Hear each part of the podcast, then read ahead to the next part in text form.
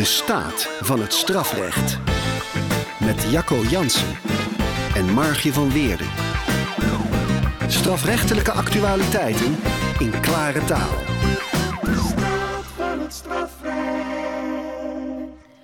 Welkom bij de twaalfde aflevering van de Staat van het Strafrecht, de rechtspraakpodcast over actuele ontwikkelingen in het strafrecht. Vandaag gaan we het hebben over wraking van rechters.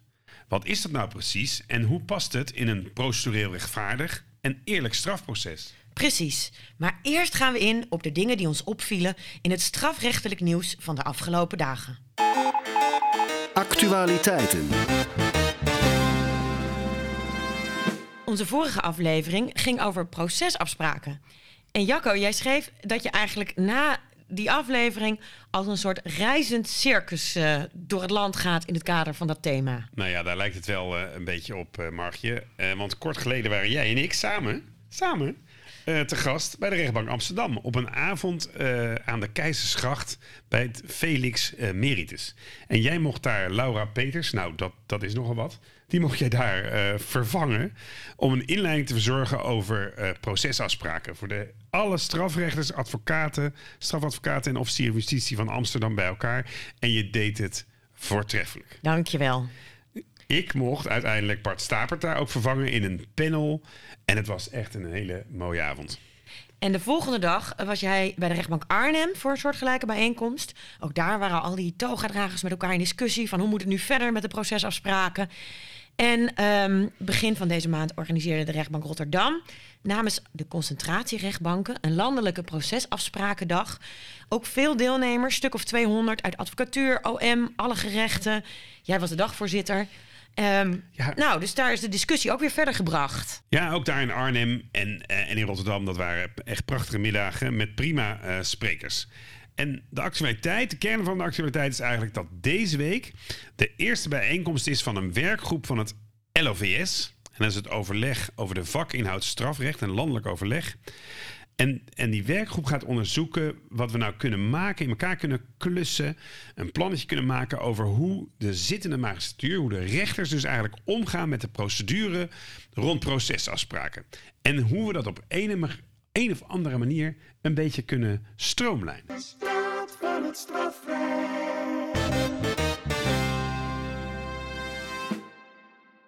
Ja, onze tweede actualiteit. Er is nieuws over de levenslange gevangenisstraf. Het onderwerp van aflevering 9. En nu heeft de Erasmus Universiteit Rotterdam een evaluatierapport geschreven. En naar aanleiding daarvan heeft minister Weerwind gezegd... ja, de duur van reïntegratiefase van levenslang gestraften is te kort. Na 25 jaar kun je nu soms twee jaar integreren. Dat moet drie jaar zijn. Ja, hoe was het nou ook alweer? Nou, na 25 jaar gevangenisstraf kunnen levenslang gestraften een verzoek doen om aan te vangen met reïntegratieactiviteiten. En als dat goed gaat, kan je na 27 jaar in aanmerking komen voor gratie. En dat beleid dat de minister heeft gemaakt volgde uit Europese en nationale jurisprudentie, waar een aantal jaar terug in 2017 de minister de politiek dus gevoelig voor bleek. En toen heeft de minister dat dus in die regeling eh, neergelegd. En Weerwind zegt nu, die twee jaar, dat is te kort, dat wordt drie jaar. Ja, en ook een reden waarom de minister hiermee komt, dat is natuurlijk dat het, dat het gek zou zijn um, als de levenslange gevangenisstraf feitelijk korter duurt dan de maximale tijdelijke gevangenisstraf.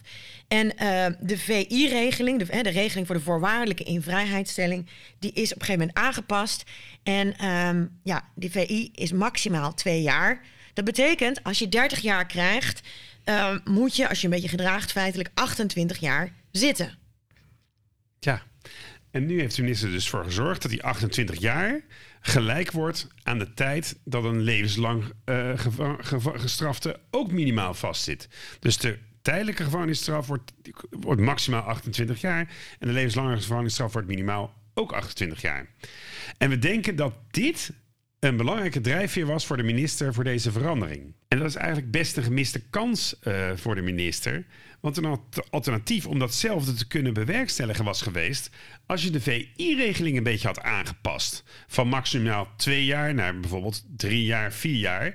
Om die twee straffen met elkaar gelijk, uh, met elkaar in verhouding uh, te krijgen. Misschien een ideetje voor onze minister. Jazeker, want de vraag is ook of die huidige regeling met die 25 plus 3 jaar nog wel helemaal Straatsburg-proef is. Het gesprek van vandaag.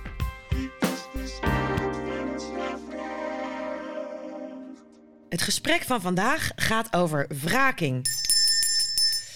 Dat is ons klare taalalarm. Uh, wraking is het verzoek van een van de partijen om een rechter te laten vervangen, uh, omdat hij partijdig zou zijn. Ja, partijen. Uh, en dat klopt, hè? Allebei de partijen. Dus zowel de verdachte met zijn advocaat als, als het OM kunnen een wrakingsverzoek doen. Maar wraking door het Openbaar Ministerie, door de officier justitie, komt heel weinig voor. Het gaat meestal om de verdachte of zijn advocaat die een wrakingsverzoek indient. En als zo'n verzoek is ingediend en de rechters of de rechters die gevraagd zijn, zijn het niet eens met die beschuldiging van partijdigheid, dan berusten ze niet in de wraking. En, dan? dan komt een procedure, een wrakingsprocedure. En dan moeten andere rechters gaan beoordelen of de gevraagde rechters inderdaad partijdig zijn partijdig zijn of de schijn van partijdigheid hebben gewekt. Nou, en die procedure, hoe die in elkaar zit, wat wel en niet gronden zijn voor wraking, hè, dus wat goede redenen zijn, en wat voor wetgeving eraan komt op dit gebied, dat gaan we allemaal bespreken vandaag. En het is ook een actueel onderwerp, Jacco, want je bent zelf onlangs gevraagd in de zaak waarin Willem Engel uh, terecht stond voor opgaaiing. Hij diende een wrakingsverzoek in, helemaal aan het, uh, aan het einde. Um, en die is overigens later door de wrakingskamer ongegrond eh, bevonden. Um, dus toen konden jij en je collega's verder met die zaak en het vonnis wijzen. Um, maar wat me opviel, van dat wrakingsmoment ging er een filmpje rond op Twitter. En daarin zeg je tegen Engel dat je het heel vervelend vindt, die wraking. Nou ja, over een specifieke zaak kun je niet praten als rechter, dus ook niet over deze. Maar in zijn algemeenheid kun je misschien wel iets zeggen over ja, hoe is het nu voor een rechter om gevraagd te worden? Ja, voor een rechter om gevraagd te worden is gewoon heel vervelend. Want onpartijdig zijn en onbevoordeeld zijn, dat is de kern, dat is de essentie van het rechter zijn. En, en dan wordt er gezegd, precies op die kernkwaliteit, dat die ontbreekt. En dat doet, doet pijn, dat steekt. En bij een zaak van enige omvang, dus een grote zaak, uh, waar, waar veel voorbereiding is gaan zitten en denkwerk aan vooraf is gegaan, en, en je bent bezig met zo'n zaak, dan is het een rijdende trein die dan door zo'n vraagzoek uh, je, voor je gevoel piepend uh, tot stilstand komt. En dat is dus vervelend en dat, ja, dat voelt naar. Ben je nou vaak gevraagd? Nou ja, ik ben zelf drie keer is er een wrakingsverzoek tegen mij ingediend in de, in de afgelopen eh, ja, zo'n beetje 25 jaar. En dat is gelukkig drie keer afgewezen. Maar toch heb ik het elke keer als vervelend uh, ervaren. En ik hoor ook van veel collega's uh, dat het hun altijd raakt. Ja, en dat je zo weinig gevraagd bent in je carrière, dat is eigenlijk opmerkelijk. Uh, want uh, als ik kijk naar jouw stijl, want er zijn natuurlijk rechters die zitten in een zittingszaal als een, als een soort sphinx met een pokerface. En die laten niks merken. Uh, je hebt eigenlijk geen idee wat ze denken. Ze zijn heel voorzichtig in hun uitlatingen. En jij bent niet zo'n rechter. Jij zegt eigenlijk vrij veel tijdens de zitting. Je bent heel erg jezelf. Uh, durft grapjes te maken, al een beetje misschien voorzichtig aan te geven welke kant het op gaat, hardop te denken. Ja, en dat ik mezelf ben hè, zo in die, in die uh, strafzaak, dat is wel een bewuste keuze. Ik, ik heb het al vaker gezegd, ik geloof in een open, eerlijk, redelijk gesprek op de zitting. Hè, ik zei het, uh, zei het al vaker, procedurele rechtvaardigheid is belangrijk. Dat iedereen het gevoel heeft dat die zitting gaat over waar het over moet gaan en dat iedereen kan zeggen wat hij wil. Um, en, en uiteindelijk voelt en, en, en weet dat het een eerlijk proces is. En als dat vertrouwen er is, kun je heel veel maken als rechter. Ik herken wel wat je vertelt uit mijn tijd als advocaat. Um, want als advocaat zit je heus niet de hele tijd scherp te luisteren of die rechter misschien iets zegt waar je hem op kunt pakken, waar je op basis waarvan je een wrakingsverzoek kunt indienen. Uh, want dat is echt een zwaar middel. Um, maar pas als je denkt, ik heb helemaal geen goed gevoel bij deze zitting. Ik krijg hier buikpijn van. Uh, want deze rechter die heeft zijn oordeel al klaar. Het gaat helemaal niet eerlijk. Hij is niet echt geïnteresseerd in het verhaal van mijn cliënt. Dan ga je ineens wel heel scherp luisteren. Ja, dat is grappig wat je het zegt. Want dat is precies de kern van, van waar het om draait eigenlijk. Hè? Er moet vertrouwen zijn in die rechter. En zolang dat vertrouwen er is en iedereen het gevoel heeft dat het allemaal eh, eerlijk gaat en rechtvaardig gaat, is er niks aan de hand. Maar pas als dat uh, onder druk komt te staan, dan gaat het mis. En dat is ook het wettelijk uitgangspunt. Ja, nee, precies. Dat is wat ik zeg. De rechter wordt vermoed onpartijdig te zijn. En de verdediging vertrekt, van, hè, moet vertrekken vanuit het vermoeden dat de rechter onpartijdig is. Tenzij het tegendeel blijkt. De rechter moet in een zaak eigenlijk vertrekken vanuit het vermoeden van onschuld van de verdachte. Dat is het uitgangspunt totdat het tegendeel blijkt. Die twee zijn eigenlijk communicerende vaten. Ja, dat is interessant. Wat is nou precies één van de overwegingen uit het standaardarrest uit 2018... die we natuurlijk in de show notes uh, zullen zetten. En dat ze daar eigenlijk eerst zeggen... als je twijfelt aan de partijdigheid, hoef je niet te wraken. Je kunt het ook gewoon op de zitting ter sprake brengen. Ja, dat past eigenlijk bij mijn idee van een redelijk gesprek op zitting.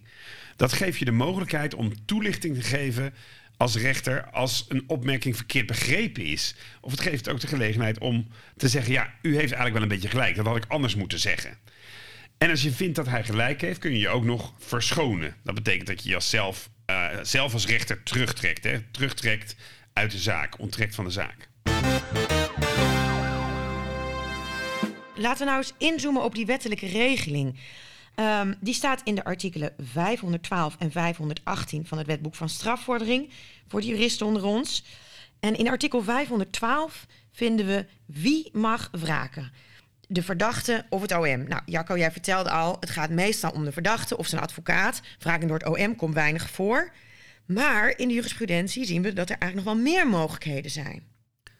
Ja, in de jurisprudentie zie je dat ook anderen dan de verdachte en de officier van justitie toch ontvankelijk worden uh, verklaard door de wrakingskamer. Daarmee wordt bedoeld dat ze dus ook een wrakingsverzoek uh, dat dat in behandeling wordt genomen. En dat is bijvoorbeeld het geval met de benadeelde partij. Uh, die vindt dat zijn vordering, die hij heeft ingediend, civiele vordering, niet onpartijdig wordt beoordeeld. En ehm, of een veroordeelde in een ontnemingszaak, iemand die geld wordt ontnomen van in de, in de plukse sfeer, die mag ook een wrakingsverzoek indienen. Of iemand die een artikel 12 procedure heeft gestart. Een klacht heeft in. Artikel 12 procedure? Ja, een artikel 12 procedure. Dat is een klacht tegen de beslissing van het OM om iemand niet te vervolgen. Dat kan dan bij het Hof. En ook die, diegene uh die die klacht heeft ingediend, die kan de rechter wraken. Nou, oftewel, wie kunnen er wraken? Nou, volgens de wettekst alleen de verdachte en de officier van justitie. Maar het wordt wel ruimer uitgelegd vaak in de jurisprudentie. Eigenlijk een beetje gek als je kijkt naar de letterlijke tekst van de wet. Maar vanuit rechtsbeschermingsoogpunt lijkt me dat een heel goede zaak. Zeker. Um, dan de vraag, wie kunnen er gevraagd worden? Nou, volgens de wet, elk van de rechters die een zaak behandelen. En ook dat wordt ruim uitgelegd. Niet alleen de rechter of de rechters die de inhoudelijke behandeling van de zaak doen. Dus die, de, de zitting die gaat over de schuldvraag. Maar eigenlijk iedere rechter met invloed op de zaak. Dus ook de rechtercommissaris. Ook de rechters die in de raadkamer zitten die over de gevangenhouding gaat. En um, ja, dus niet alleen rechters van de rechtbank, maar ook het Hof, ook de Hoge Raad, eigenlijk elk type gerecht. Ja, wraking van de Hoge Raad kan dus ook, maar daar komt niet zoveel voor. Maar niet zo lang geleden is dat toch één keer gebeurd en is de hele strafkamer van de Hoge Raad gevraagd. En dat gebeurde door advocaat Willem Jebbink. En die vraag ging over de rol van reservisten. Ja, reservisten, eh, terecht dat je dat daarvoor belt, Margje. Dat zijn raadsheren binnen de strafkamer van de Hoge Raad... die het arrest eigenlijk niet meewijzen. Die staan niet onder het arrest genoteerd als lid van die kamer... Uh, maar hebben wel meegedacht in de, in de raadkamer over de uh, zaak. Ze kunnen dus wel meedenken en hun naam staat niet onder de rest. En openbaar, ja, dat is niet openbaar. Nee, ja. en dat is niet openbaar. En dus het is niet helemaal duidelijk wie er invloed had, heeft op de inhoud van het arrest. Zo vond Jebbink. Maar dat vragersverzoek is afgewezen.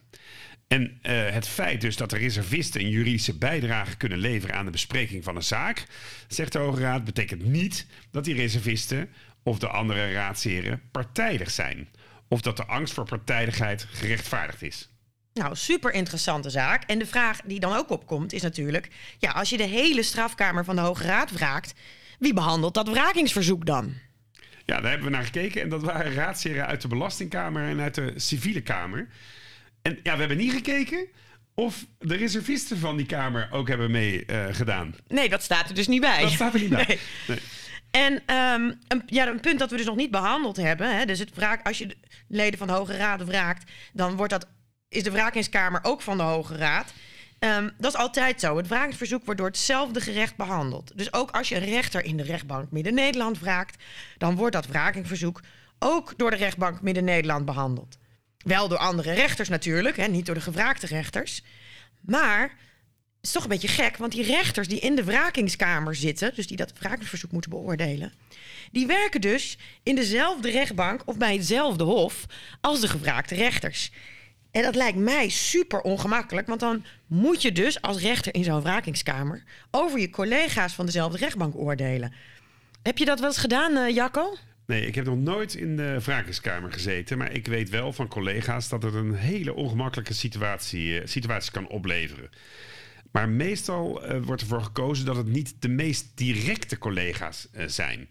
Vaak wordt er gekozen voor collega's uit een ander rechtsgebied of van een andere locatie. Hè. Bij ons dan bijvoorbeeld uit Dordrecht. En ook van de advocatuur is er echt wel eens kritiek geweest op het feit dat, dat het collega's zijn uit hetzelfde gerecht. Eigenlijk een beetje dat de slager die zijn eigen vlees keurt. En er is ook een pilot geweest bij de Hoven in Den Haag en Amsterdam. Uh, dat dus de raadsheren van Amsterdam de Haagse vraagjesverzoeken deden en andersom. En voordeel daarvan is natuurlijk dat het goed is voor het vertrouwen in het oordeel van de vraagskamer. En het vertrouwen in de rechtspraak als geheel. En de advocaten zijn voor, bleek uit het rapport. En ook de advocaten-generaal en de raadsheren waren positief. En sommige raadsheren maakten het eigenlijk niet zoveel uit, maar anderen zeiden ja, dat is wel beter voor de collegiale uh, verhoudingen. Nadeel was, en dat kwam ook wel uit het rapport, dat het logistiek een beetje een gedoe was. Het duurde gemiddeld 15 dagen langer voordat de zitting van de wrakingskamer was georganiseerd. En uiteindelijk heeft die pilot die in het rapport wordt beschreven geen navolging gekregen. Nee, dus nu is het nog steeds zo dat de wrakingskamer... ja, daar zitten rechters in uit hetzelfde gerecht. Er zijn wel wat kleine uitzonderingen. Als je naar het uh, wrakingsprotocol kijkt bijvoorbeeld... elk gerecht heeft een eigen wrakingsprotocol. Die kun je vinden op rechtspraak.nl. Um, al die protocollen lijken trouwens heel erg op elkaar. Maar goed, dan zie je dat bij heel gevoelige zaken... soms toch een beroep wordt gedaan op rechters van een ander gerecht. Bijvoorbeeld een bestuurder van de rechtbank. Als die als rechter optreedt en een zitting doet en wordt gevraagd. Ja, dat is, dat is wel logisch. Als, als de president uh, een zaak doet, hè, een inhoudelijke zaak, omdat hij ook nog zittingen doet af en toe. En die wordt gevraagd. Als dan de vraagjeskamer van het eigen gerecht over die president, uh, de onpartijdigheid van die president moet gaan praten, dat is, dat is mal. Omdat er natuurlijk ook andere verhoudingen tussen die president en die rechters lopen. Ja, precies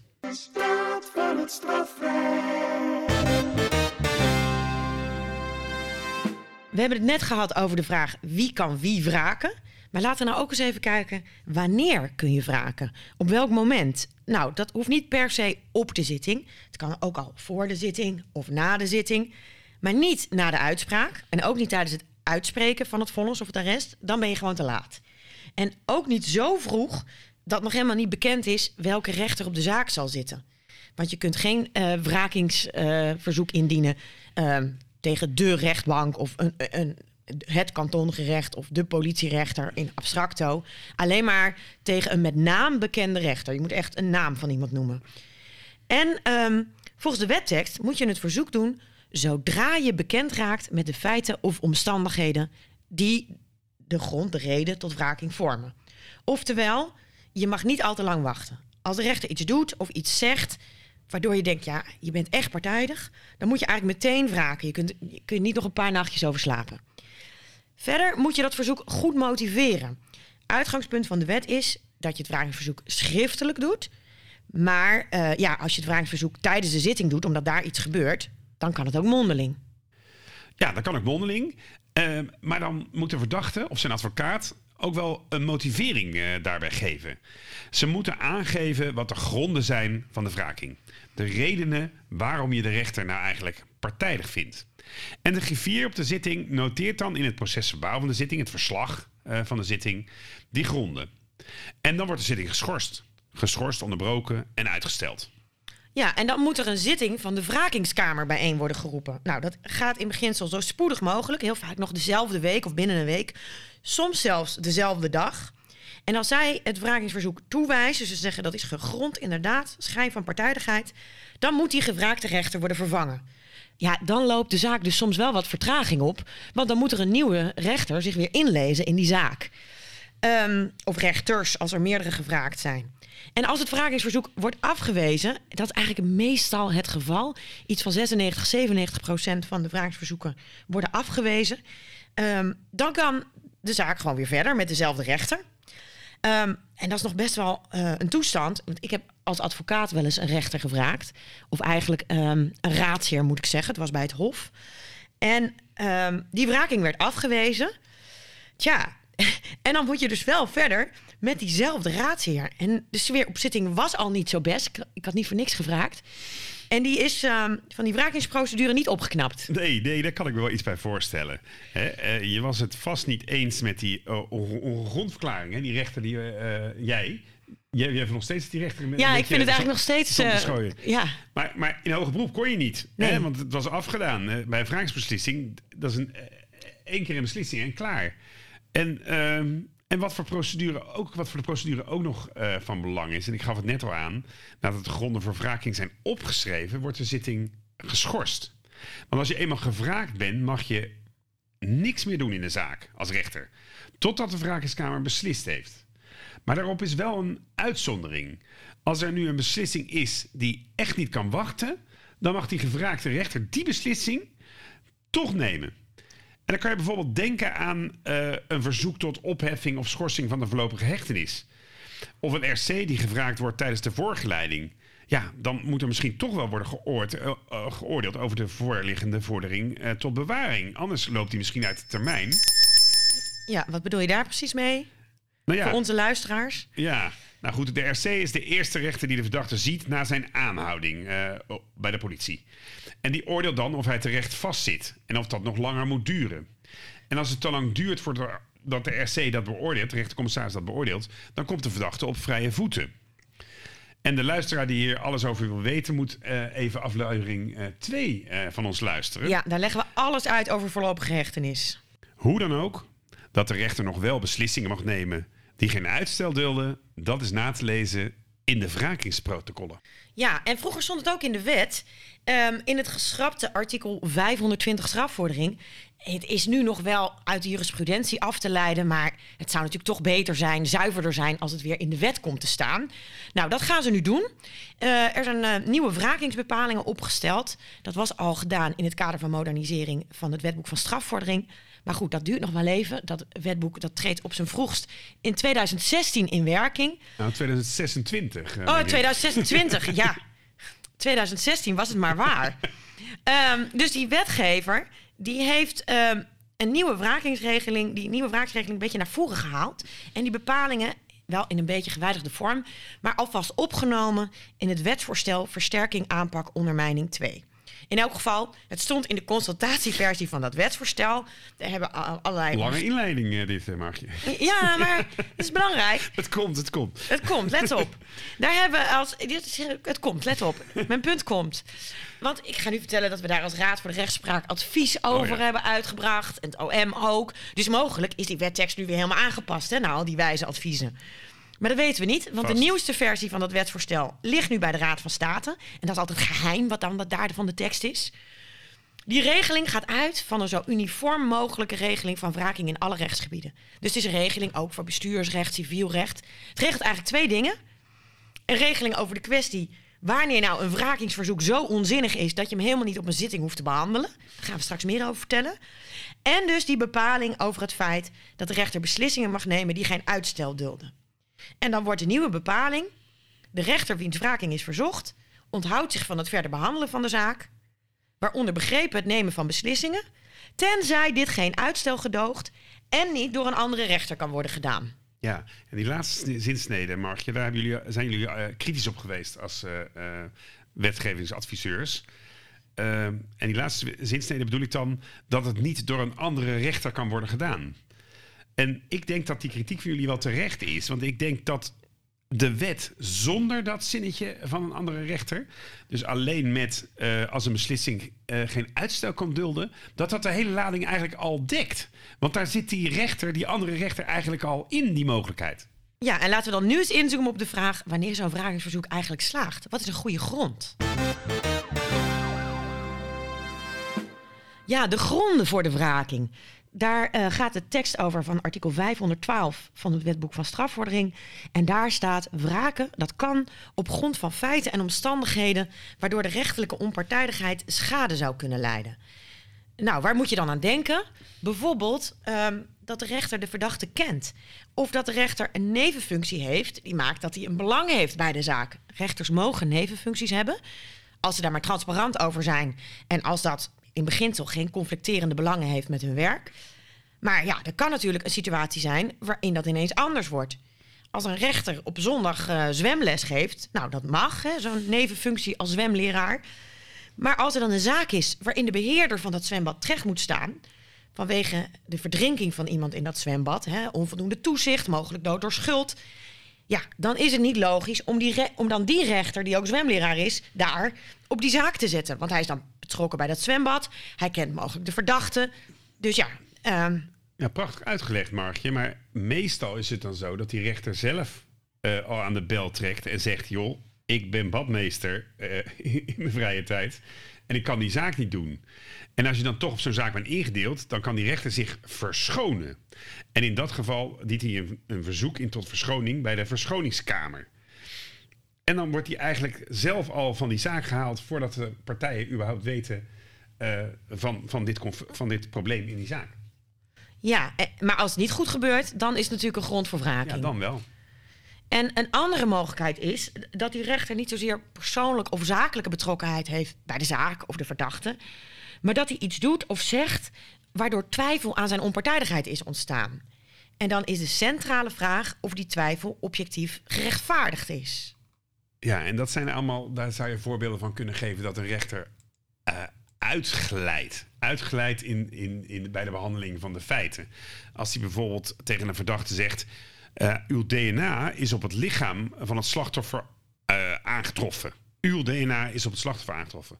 Terwijl de verdediging nou juist als verweer gevoerd heeft en de verklaring van de verdachte zodanig is dat er nog helemaal niet vaststaat of het zijn DNA is. Ja, dan laat je je eigenlijk al uit over wat de, wat de verdachte nog als verweer wil gaan voeren. Nou, dat, dat kan spanning oproepen. En dat is dan een, vaak een grond voor partijen om een wraakverzoek in te dienen. Een ander voorbeeld is, is en een zaak die, uh, uh, die ook wel in het nieuws is geweest, was de rechter die zat de, op de zitting uh, een beetje te lachen, te glimlachen.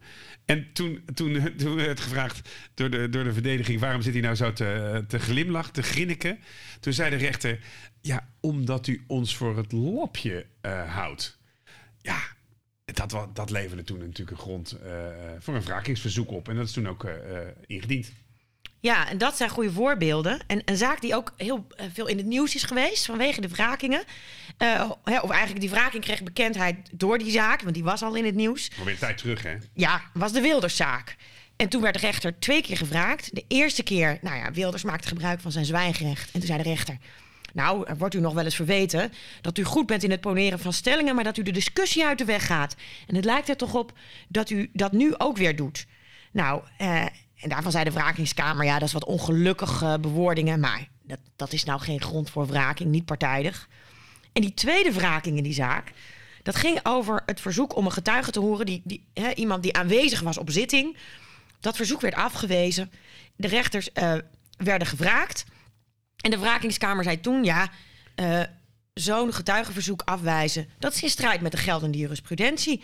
En daarom blijkt uit die beslissing een zekere mate van vooringenomenheid. Het wrakingsverzoek is gegrond en de rechters werden vervangen. Nou, er was toen heel veel om te doen. Nou, nou dat kan je wel zeggen. Er was een soort bom die ontplofte in de rechtbank Amsterdam uh, uh, toen. Dat was live televisie ook nog allemaal. En uh, ik vraag me af of die, die grond die toen daar onder dat, onder het toegewezen wrakingsverzoek lag... of dat nu nog ook zo zou verlopen. Want het was eigenlijk een procesbeslissing die daar werd genomen. En die werd niet goed bevonden. En dat was uiteindelijk uh, de aanleiding voor de wraking. In 2010 uh, was dat. Maar in 2018 heeft de Hoge Raad twee uitgebreide arresten gewezen over wraking. het worden wel standaard arresten genoemd. En daarin wordt, dat, wordt het echt anders uitgelegd. En we zetten die vindplaatsen wel in de show In de notes. show notes. Dat is echt, eh, ja, dat, dat moet je gelezen hebben. Anders mag je echt niet meepraten over, eh over wrakingen. En één arrest gaat over misbruik van het wrakingsmiddel. En het andere arrest gaat over wraking naar aanleiding van een beslissing van de rechter. En dat was in die wilde zaak eigenlijk aan de hand. Een procesbeslissing. En de Hoge Raad oordeelt eigenlijk, kort en goed... een procesbeslissing is geen grond voor wraking. Dat zeggen ze eigenlijk kei en keihard. Ja, een procesbeslissing is bijvoorbeeld een beslissing op een getuigenverzoek of een, eh, beslissing op een verzoek tot, tot ander nader eh, onderzoek. En dan kan je de wraking, zegt de Hoge Raad, niet als verkapt hoger beroep gebruiken. Dus dat je die beslissing eigenlijk via de wraking weer aanvecht. En je kunt ook niet wraken, zegt de Hoge Raad, vanwege een gebrek aan motivering van zo'n beslissing. Of bij een onbegrijpelijke of onjuiste motivering. Of het uitblijven van eh, zo'n beslissing. En dat is natuurlijk super fijn voor de rechter. Anders wordt het werk, eh, het, nemen van dat soort procesbeslissingen, eigenlijk onwerkbaar. Ja, maar als advocaat is het wel heel vervelend. Eh, want ik zei al, hè, als je buikpijn krijgt van de sfeer op zitting, dan ga je goed opletten. En als er dan een volstrekt onredelijke beslissing volgt op zo'n soort verzoek, dan is dat eigenlijk het moment waarop je vermoeden bevestigd wordt. En dat je denkt, ja, zie je wel, ze zijn helemaal niet echt geïnteresseerd in het verhaal van mijn cliënt. Dus als advocaat voelt het, voelen dit soort beslissingen, zeker als ze heel slecht gemotiveerd zijn of niet gemotiveerd, ja, dat voelt als een heel logische aanleiding voor een wrakingsverzoek. Ja, ik, ik voel echt wel met je mee. En ik voel dus met die advocaten ook wel mee. Maar het is heel goed dat de Hoge Raad deze beslissing heeft genomen. Want als je toe zou staan dat, dat wraken ook mogelijk is, makkelijk mogelijk is, naar aanleiding van een beslissing van de rechter, dan is het hek van de dam. Dan wordt bijna iedere beslissing eh, via die weg eh, weer ter discussie gesteld. En dat werkt misbruik eh, in de hand. Ja, de Hoge Raad formuleert nog wel een kleine uitzondering. Hè, wraking naar aanleiding van zo'n tussenbeslissing. Dat kan toch indien de motivering van die beslissing in het licht van alle omstandigheden van het geval niet anders kan worden verstaan dan als blijk van vooringenomenheid. Ja, dat is wel heel, heel goed hoe jij dat eh, formuleert. Het is een beetje een soort muizengaatje, een geitenpaadje, hoe noem je dat? Heel klein Heel muizengaatje. klein muizengaatje. Want je moet het dan wel heel bond eh, maken. Want het gaat dan eigenlijk gewoon weer om de echte gronden van wraking die je dan moet stellen eh, als, als grond voor de wraking. En in principe kan het dus gewoon niet een wraking na een tussenbeslissing met dit muizengaatje erbij. Ja, nou dan nog dat andere standaardarrest, ook van 25 september 2018. En dat gaat eigenlijk over het feit ehm, nou, dat, je dat, dat het middel van wraking heel vergaand is, een zwaar middel is. En dat je daar prudent mee om moet gaan, redelijk mee om moet gaan. Eh, je mag er geen misbruik van maken. Bijvoorbeeld door meerdere keren te wraken in dezelfde zaak, alleen maar om zand in de machine te strooien, tijd te rekken, eh, te traineren. En wanneer de bevoegdheid tot wraking wordt gebruikt voor een ander doel dan waarvoor het is gegeven, ja, eh, en namelijk hè, partijdigheid aan de kaart stellen, dan is dat misbruik van recht. Mooi. En zo zegt de Hoge Raad, eh, ja, dan hoeft zo'n wrakingskamer dat verzoek helemaal niet op een zitting te behandelen. Je hoeft daar geen zitting voor te organiseren. En dat geldt voor zaken waarbij het wra- wrakingsverzoek helemaal niet gemotiveerd is. Want ja, motiveren is een eis. Of als er dus duidelijk sprake is van misbruik van recht. Dus je gebruikt die wraking hè, niet om de onpartijdigheid aan te vechten, maar bijvoorbeeld om vertraging te veroorzaken. Ja, en belangrijk daarbij is dat die beslissing, die ligt dan bij de wrakingskamer. Dus niet bij de gevraagde rechter zelf. Dus je kunt niet zeggen, ik stuur het niet naar de, ik stuur het niet naar de wrakingskamer. Dat kan niet als rechter.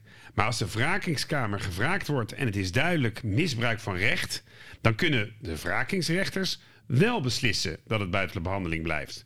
Dus zonder weer een nieuwe wrakingskamer eh, bij elkaar te roepen. Het, het droste wrakingseffect. hè? En ja, het is eigenlijk wel interessant dat ook de wrakingskamer gevraagd kan worden. Maar dan Ja. blijf je natuurlijk aan de gang. Ja. ja. En in een arrest uit 2021 geeft de Hoge Raad, dus niet zo lang geleden, geeft de Hoge Raad aan dat in heel uitzonderlijke gevallen de rechter ook zelf kan besluiten dat het verzoek niet behandeld wordt.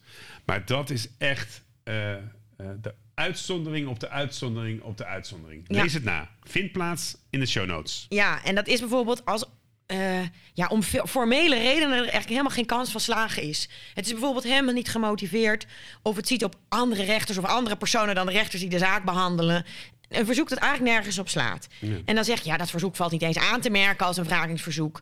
Ehm, ook als het verzoek exact identiek is aan een eerder verzoek, dan zou dat ook kunnen. Ja, maar eh, hier, hier is meteen het probleem, hè? Want als je dat ter discussie gaat stellen, ja, dan heb je in die, en je zegt zelf, nou, ik vind het niet. Ja, dan is dat weer een grond voor, eh, als rechter zegt, ik vind van niet, dan is dat weer een grond voor vragen. Oh, je bedoelt van, dan krijg je weer discussie of het nou wel of niet exact hetzelfde Ja, verzoek is. Dus, dus ik, ik zou zeggen, lees het na. Maar het is niet echt iets wat, eh, wat we elke dag aan de orde zouden moeten krijgen. Nee, je kunt als rechter beter gewoon doorsturen naar de wrakingskamer. Zeker. Ehm, nou, en daar ben ik weer met het wetsvoorstel versterking aanpak ondermijning 2. Want ik zei al, hier komt ook een nieuwe regeling over. En in dat wetsvoorstel ehm, wordt voorgesteld een derde lid toe te voegen aan artikel 515. Indien het verzoek kennelijk niet ontvankelijk of kennelijk ongegrond is, dan kan het gerecht zonder toepassing te geven aan het eerste en tweede lid beslissen om het verzoek niet in behandeling te nemen. Nou ja, oftewel, wat staat hier nou eigenlijk? De wrakingskamer hoeft geen zitting te organiseren om het wrakingsverzoek te behandelen, maar kan het verzoek meteen niet ontvankelijk verklaren of meteen ongegrond verklaren als super duidelijk is dat het verzoek geen hout snijdt.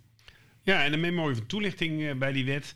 Daar staan een aantal voorbeelden eh opgesomd. Hè? En eh, voorbeelden van de kennelijke niet-ontvankelijkheid zijn bijvoorbeeld... het wrakingsverzoek is ingediend na de uitspraak. Nou, we zien, dat, ja, dat kan niet. Dus dat kan je dan niet ontvankelijk verklaren. Een tweede voorbeeld is... wraking richt zich tegen het hele gerecht. En niet tegen een specifieke rechter. Ja, en een voorbeeld van de kennelijke ongegrondheid is bijvoorbeeld... eh, zoals we net bespraken, het wrakingsverzoek ziet op een procesbeslissing. Zo'n eh, beslissing kan dan ook eh, snel worden genomen. Ja, dat is natuurlijk heel efficiënt als op dit soort verzoeken meteen een beslissing kan worden gegeven. Ja, al, denk ik wel dat we er straks heel terughoudend mee moeten omgaan. Want het is echt alleen bedoeld voor onzinwrakingen. Vanuit het oogpunt van rechtsbescherming en vertrouwen in de rechtspraak is het natuurlijk niet fraai om zo'n wrakingsverzoek helemaal niet te behandelen. Ja, en ik, dat denk ik ook hoor. Bij, een- bij een, een beetje behoorlijk wrakingsverzoek is een zitting gewoon eh, het uitgangspunt. De vraag van de luisteraar.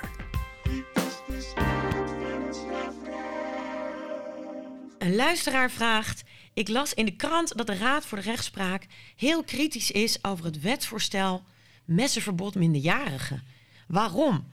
Is de rechtspraak dan niet ongerust over het messenbezit van jongeren? Nou ja, zeker, zeker. Eh, eh, volop in het nieuws ook is dat, dat rechters daar wel eh, bezorgd over zijn. Maar de bedoeling van het wetsvoorstel is dan ook op zich heel goed. En dat was ook niet de reden dat het wetgevingsadvies van de Raad voor de Rechtspraak ook zo kritisch was. We zijn het helemaal eens met streng op messen. Maar laten we eerst even kijken wat het wetsvoorstel precies wijzigt. Het gaat om een wijziging van de WWM, de Wet eh, Wapens en Munitie. En het gaat erom dat bepaalde gewone messen, dus die eigenlijk in je keukenla eh, liggen, straks niet meer in het openbaar onverpakt mogen worden gedragen. En niet verkocht mogen worden aan minderjarigen. En om welke messen gaat het dan? Nog even eh, specifieker. Nou, dat weten we nog niet. Want dat wordt straks nader omschreven in de regeling wapens en munitie. En Margje, jij bent onze eh, wetgevingsadviseur, gelukkig. Maar wat is nou het probleem eigenlijk met die, eh, met die regeling wapens en munitie? Nou ja, die nieuwe tekst van die regeling wapens en munitie, die kennen we dus nog niet. Die is nog niet gemaakt. En dat maakt het wel heel erg lastig om dit wetsvoorstel te beoordelen. Want we weten dus niet hoe ruim die nieuwe categorie wordt. En nou, het gaat dus niet om messen, hè, je zei het al, die sowieso al als wapens gelden, maar om gewone messen, eh, scherpe voorwerpen die je in de winkel kunt kopen en waar je ook allemaal normale, nuttige dingen mee kunt doen. Appelschillen. Ja, maar waarmee je ook ernstig letsel zou kunnen toebrengen. En die mag je dus niet meer onverpakt bij je hebben op straat en in openbare gelegenheden. Ja, en als je dat zo schetst, Margje, schetst, hè, gewone gebruiksvoorwerpen, waarbij je wilt voorkomen dat mensen die gebruiksklaar bij zich dragen voor verkeerde doelen, tja, volgens mij is dat al strafbaar. En voor de eh, juristen onder ons, dat staat volgens mij in artikel 2, lid 1, categorie 4, onder 7 van de wet wapens en munitie. En dat ziet op gewone voorwerpen, waar je gezien de omstandigheden waaronder die zijn aangetroffen, redelijkerwijs kan aannemen dat ze bestemd zijn om, om mee te dreigen of om letsel mee toe te brengen. Bijvoorbeeld een, een koksmes. Als die in de koeltas zit met allemaal vlees, dan geloven we wel dat je onderweg bent naar een barbecue. Maar als je die op de bijrijdersstoel legt terwijl je naar een voetbalstadion onderweg bent, ja, dan zien wij rechters dat toch echt anders en dan ben je strafbaar. Ja, dus de vraag is, we hebben al zo'n soort bepaling. Is deze nieuwe bepaling wel nodig? Kan het niet gewoon, hè, volgens die bepaling die jij nu schetst? Maar het verschil tussen die bestaande bepaling en, en het nieuwe voorstel is... al die voorwerpen die straks in die gewijzigde regeling komen... daarvan is het in principe gewoon strafbaar om ze onverpakt bij te dragen. Geen discussie. Tenzij jij aan kunt tonen als verdachte dat je ze gebruikt voor maatschappelijk aanvaardbare activiteiten. Dus voor picknicken, barbecuen, vissen, tuinieren, zoiets. Nou, dat klinkt als een omkering van de bewijslast. Nou, klinkt. Dat is gek in het strafrecht, hè? want in beginsel hoef je niet je onschuld te bewijzen. Maar nu zeggen ze, ja, je hebt zo'n voorwerp bij je. In beginsel is het strafbaar. Je loopt met de snoeischaar door het Vondelpark, strafbaar feit. Ja, nu moet jij zelf maar aantonen dat je echt bij de plantsoendienst werkt en hier aan het snoeien was. Nou, nou. Nou ja, poe, poe. Dat is toch echt wel problematisch, eh, denk ik hoor. Eh, we weten nog niet precies hoe die uitzondering dan vorm moet krijgen. Maar we hopen in ieder geval dat bij het ministerie van JEV nog eens goed naar dit wetsvoorstel wordt gekeken. En dat die wijziging van de regeling wapens en munitie uh, uh, zo wordt opgesteld dat het werkbaar blijft. En als het wetsvoorstel straks naar de Raad van State gaat en daarna naar de Tweede Kamer, dan moet die regelingen eigenlijk uh, compleet zijn. Dus dan moet die, die lijst, die regeling erbij zitten. Anders weet je gewoon niet waar je over praat. Precies. Hopelijk kijken ze goed naar ons advies. En daarmee zijn we alweer aan het einde gekomen van deze aflevering. Luisteraars, willen jullie op de hoogte blijven van onze gesprekken over het strafrecht?